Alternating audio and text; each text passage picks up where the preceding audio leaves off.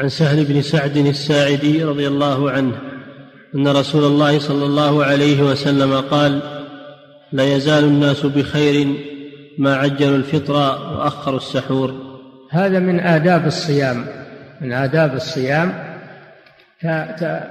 تأخير السحور تعجيل الفطر تأخير السحور إلى أن يتبين طلوع الفجر. لأن الله جل وعلا قال وكلوا واشربوا حتى يتبين.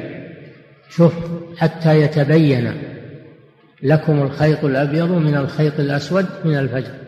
فإذا تبين الفجر فإنه يحرم الأكل والشرب ويلزم الإمساك. وما لم يتبين الفجر فالأصل بقاء الليل ويجوز الأكل والشرب.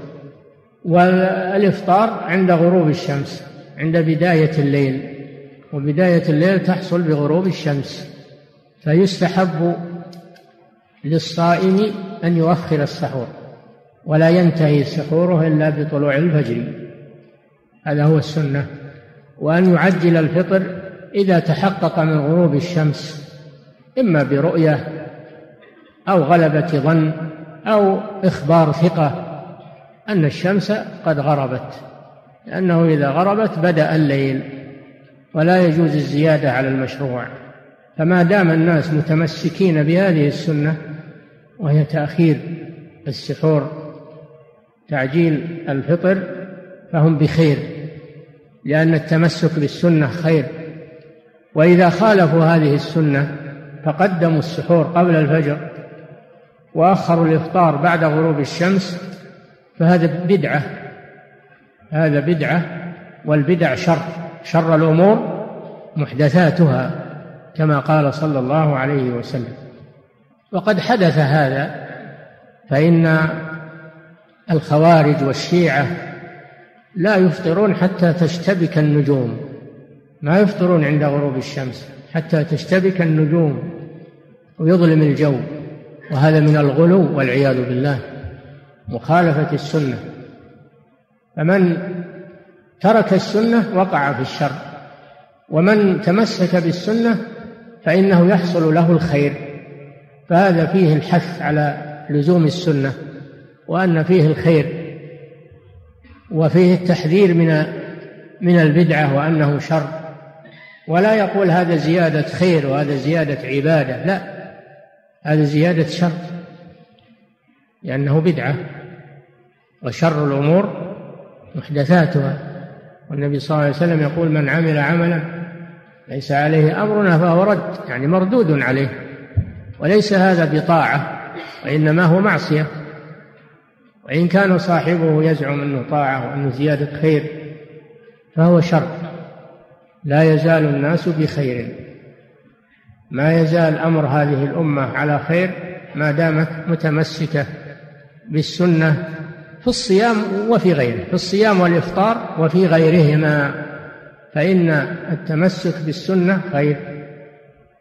والأخذ بالبدعة شر أيا كانت دون نظر إلى نية صاحبها فإنها شر ومعصية وليست عبادة لله عز وجل وهي تبعد صاحبها عن الله وتوجب عليه الإثم فلا خير في البدع مهما كانت.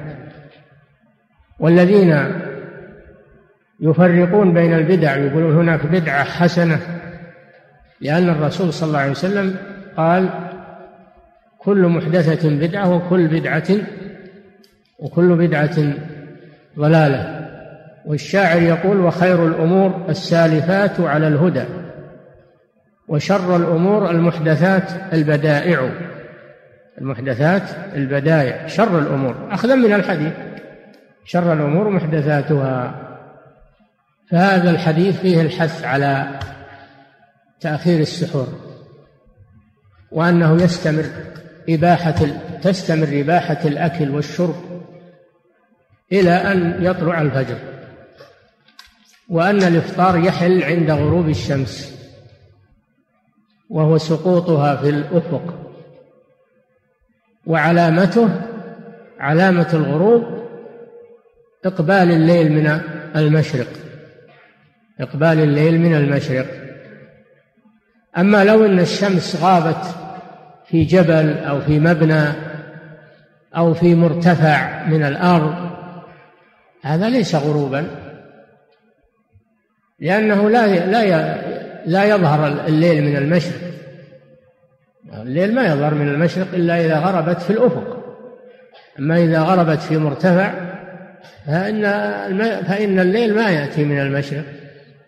الرسول صلى الله عليه وسلم أعطانا علامتين. قال إذا أقبل إذا أدبر النهار من ها هنا وأقبل الليل من ها هنا وغربت الشمس فقد أفطر الصائم. نعم.